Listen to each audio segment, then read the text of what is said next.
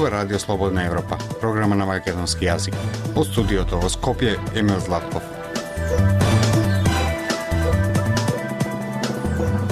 Почитувани во денешното издание на емисијата ке слушате. Пленарната седница за уставните измени е закажана. Власта ги убедува претениците да гласаат за, опозицијата вели не сака бугарски диктати. Што ќе одлучи владата? Ќе му платили на брако за модуларните амбуланти? Од светот ги издвојуваме анализите за падот на руската рублја. Слушајте не. Независни вести и анализи за иднината на Македонија на Радио Слободна Европа и слободнаевропа.мк. Власти и опозицијата се непроменети ставови ја дочекуваат седницата за уставни измени. Опозицијата не ги поддржува и решение гледа во предвремени избори. Власта пак вели дека ова е последната шанса опозицијата да се приклучи на Европскиот блок. Прилог на Пелагија Стојанчова ќе се менува уставот или постапката на уставните измени ќе прекине. Дилемата ќе се решава на седницата закажана за 18 август во 11 часот. Измените предвидуваат во уставот освен бугарскиот народ да се вметнат уште пет други. Но за воопшто да се пристапи кон промена на уставот потребно е двотретинско мнозинство, односно да гласат најмалку 80 пратеници од вкупно 120 колку што број собранијата. Но за сега против уставни измени се 44 пратеници од опозицијската коалиција коалиција предводена од ВМРО ДПМН и 20 пратеници од Левица. Премиерот Димитар Ковачевски вели дека на владата не и требаат 80 пратеници да обстои. Тие гласови им се потребни на граѓаните. 80 пратеници се потребни за глас за Европска Македонија. На владата се потребни 61 пратеник за да може полноправно да одлучува, да работи до изборот на следна влада. Двотретинското мнозинство во собранието за овие уставни измени е императив за секој граѓанин во државата. За уставни измени се и пратениците од албанскиот опозицијски блок, но тие барат на седницата за уставни измени да бидат поставени и уставниот амандман за бришење на одредницата 20% кој се однесува на употребата на јазикот, како и корупцијата кај функционерите да биде кривично дело кое не застарува. Ако собранието донесе одлука за уставни измени, пратениците на располагање ќе имаат 10 работни денови за дебат. Потоа таа завршува без оглед дали останале уште говорници. Па ќе треба да се прават нацрт амандмани, па предлог амандмани и на крај повторно да се гласа, за што ќе бидат потребни исто така најмалку 80 пратеници. За да заврши целата постапка, а да се земат најкусите рокови, би требало се да заврши за 3,5 месеци. Но доколку на 18 август во собранието го нема потребното мнозинство, постапката нема да може да продолжи. На владеачкото мнозинство му требаат уште 8 пратеници за уставни измени. Првиот вице-премиер Артан Грубе од редовите на ДУИ вели дека работат и со ВМРО-ДПМН и со поединци од партијата, за како што посочи, тие да станат дел од градењето на еднината на нашите граѓани. Координаторот на ВМРО ДПМН Никола Мицевски на 16 август рече дека досега немале никакви притисоци, но дека имаат поддршка од граѓаните да истрат во намерите. Оваа седница ќе биде добра можност да се увери целокупната јавност дека власта цела една година лаже, манипулира и се е магла околу уставните измени и дека не се ни близко до уставни измени. Ако не се случат уставните измени, Северна Македонија не може реално да ги започне преговорите за влез во Европската Унија и ризикува да се одвои од Албанија, порача бугарскиот европратеник Илхан Кјучук, кој известувач во Европскиот парламент за Северна Македонија. Премиерот Ковачевски вели дека постои реалност земјата на патот кон Европската Унија да биде издвоена од пакетот со Албанија. Радио Слободна Европа, светот на Македонија. Две прашања се поврзуваат со модуларните здравствени објекти. Дали владата ќе го плати долгот за нивна изградба кон брако и дали се безбедни за да се примаат пациенти. Но и за двете прашања и владата и Министерството за здравство доправа ќе одлучуваат. Еден таков објект изгоре, при што загинаа 14 луѓе. Повеќе на оваа тема Зора Нагаджовска-Спасовска.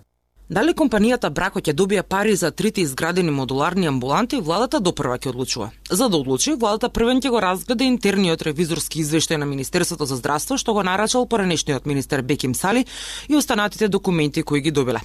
Компанијата на поранешниот вице-премиер Кочан Јушев Брако заврши три од предвидените 10 модуларни амбуланти.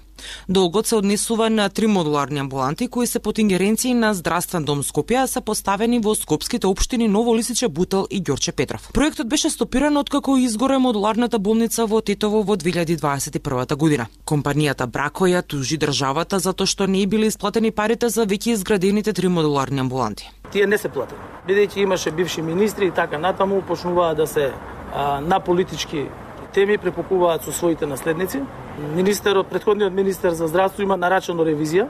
Таа ревизија е доставена до владата заедно со документите кои што се однесуваат на неплатените модуларни болници и сметам дека врз основа на сите тие документи дека владата меѓутоа плаќањето на преостанатите ќе може да биде извршено ова е мој став кога ќе бидат завршени сите правосудни постапки. Изјави на 17 август премиерот Димитар Ковачевски. Предходно актуелниот министер за здравство Фатмир Меджити на 13 јули година одговарајќи на новинарско прашање посочи дека при средбата со представниците на компанијата Брако е договорено спогодбено да ги исплатат парите до луѓето од компанијата, власниците, значи се договоривме да ги трнат каматите спогодбено за да се плати тој износ, тоа што имат изградено, тоа што е во ред, а за другото да се тргнат од тоа што го барат и тоа го поминавме вторникот во влада како информација, значи и за тоа добивме поддршка.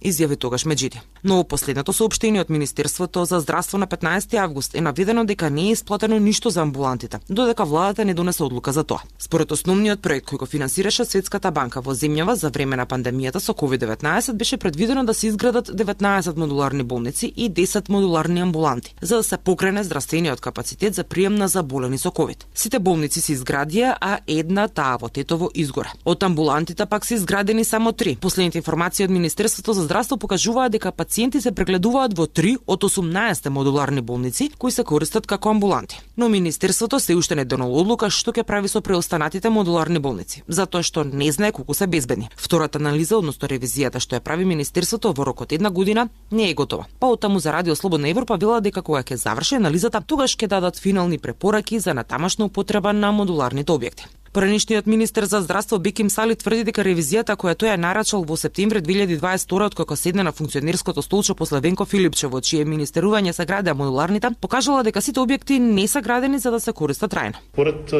извештајот на ревизијата се работи за истиот материјал кој што бил користен кај сите објекти. По документарниот филм Сржувачката репортерска лабораторија за пропустите во изградбата и причините за пожарот во Тетовската модуларна болница во која загинаа 14 луѓе, се отвори прашањето за тоа дали и колку се безбедни останатите модуларни болници кои беа поставени во 16 градови. Слободна Европа. Следете на на Facebook, Twitter и YouTube. На градилиштата ни Скопје гинати работници и граѓани, бидејќи објектите често се необезбедени според пропишаните стандарди. Сдруженијата за заштита при работа обвинуваат дека градежните фирми импровизираат и повеќе се грижат за профитот отколку за животот и здравјето на работниците. Прилог на Владимир Калински. Градежниот работник кој доживеа трагична судбина на градилиштето кај старата железничка станица минатиот месец беше меѓу последните смртни случаи кои покажаа дека условите за работа во градилиштата ни Скопје се опасни, но освен за работниците, градилиштата се ризики за греѓаните. Пред само неколку дена во срцето на главниот град имаше застрашувачка сцена кога 66 годишна жена го загуби животот од удар од багер. Опасноста од градилиштата демне ни секој агол во главниот град Скопје. Ако фрлите само површен поглед, се гледа како работници работат на голема височина на згради без заштитни скелиња или мрежи. Ваквите локации се ризик за граѓаните кои минуваат во близина на градилиштата. Од зградата на Технометал Вардар во центарот на Скопје летаат бетонски парчиња надвор од заштитната ограда додека работниците кршат бетон.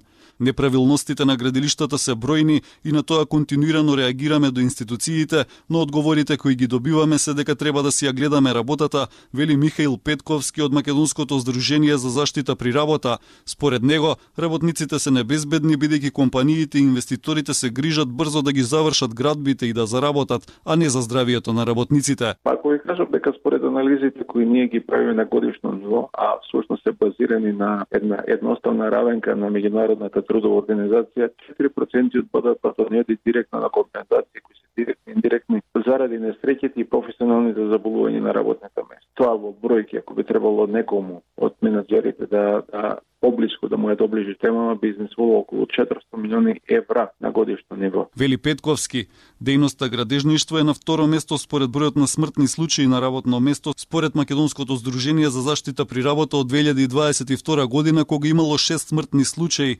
истата година имало 14 несреки во оваа дејност. Од Македонското здружение за заштита при работа наведуваат дека бројките во нивните извештаи се конзервативни и дека во голема мера не го отсликуваат вистинскиот број на несреки на работното место во сите дејности, кои во просек годишно изнесуваат околу 1500 според податоците на Институтот за јавно здравје. Има многу импровизација во работата на градежните фирми кои инсистираат работата брзо да се заврши, а има и многу неквалификуван кадар, вели Никола Велковски од групацијата за градежништво при Стопанската комора и тој укажува дека голем дел од фирмите се фокусирани само на профит и на брзината за градење, за разлика од заштитата на работниците. Фирмите мора да имаат овластени инженери, раководители на градилиштето. У најголем дел они го имаат на хартија, го немаат на лице место. Тука треба исто така да се позабават и општинските и републичката и општинските инспекции. Вели Велковски, податоците на Македонското здружение за заштита при работа покажуваат дека македонскиот работник има двојно поголеми шанси да загине на работно место отколку работниците во Европската Унија. Актуелности свет на Радио Слободна Европа.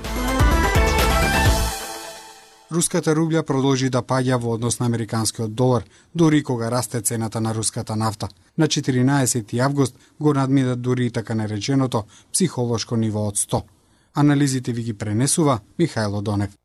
Кога Руската централна банка ги изненади економистите на 21 јули со зголемување на каматните стапки за цел процентен поен, двојно повеќе од очекуваното зголемување, тоа требаше да ја зајакне рублјата, која беше во надолна траекторија од декември.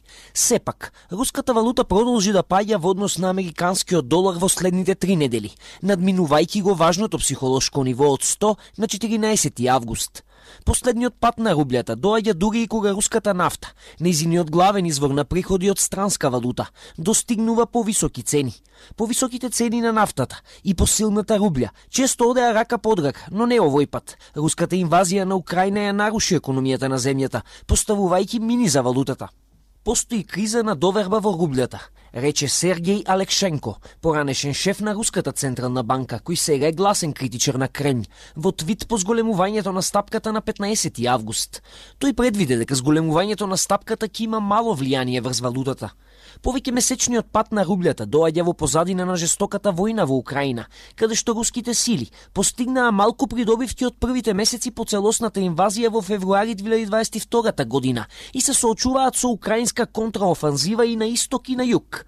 Тој жесток украински отпор ја принудува Русија да ги зголеми војните трошоци, бидејќи западните санкции ги намалуваат приходите од извозот на енергија, создавајќи голем буџетски дефицит, што врши притисок врз девизниот курс на рублјата. Во меѓувреме, руската индустријска и потрошувачка побарувачка за увезни машини, технологија и други стоки скокна, потикнувајќи ја побарувачката за долари и евра, до кои е се потешко. Слабоста на рублјата го става председателот Владимир Путин во тесно, велат економистите. Тој треба да го заузда трошењето ако сака да ја скроти инфлацијата и да ја стабилизира рублјата но Путин постојано сигнализираше дека има намера да ја продолжи инвазијата на неодредено време, а следните председателски избори се во март, при што Путин сигурно ќе победи ако се кандидира како што се очекува, поради контролата на Кремљ врз политиката и медиумите. Сепак тој треба да го зацврсти својот имидж по краткиот но срамен бунт на платеничката група Вагнер во јуни и продолжувањето на неуспесите во војната. Како резултат на тоа, тој веројатно нема да ги намали војните сили или социјалните трошоци на кој било значаен начин, со што ќе го префарли товарот за заштита на рублјата на Централната банка. Во Русија во моментот се одвива спротивставеност меѓу воените амбиции на председателот Путин од една страна и целите на политиките на Централната банка и Министерството за финансии од друга страна, смета Лиам Пич, економист од Лондон.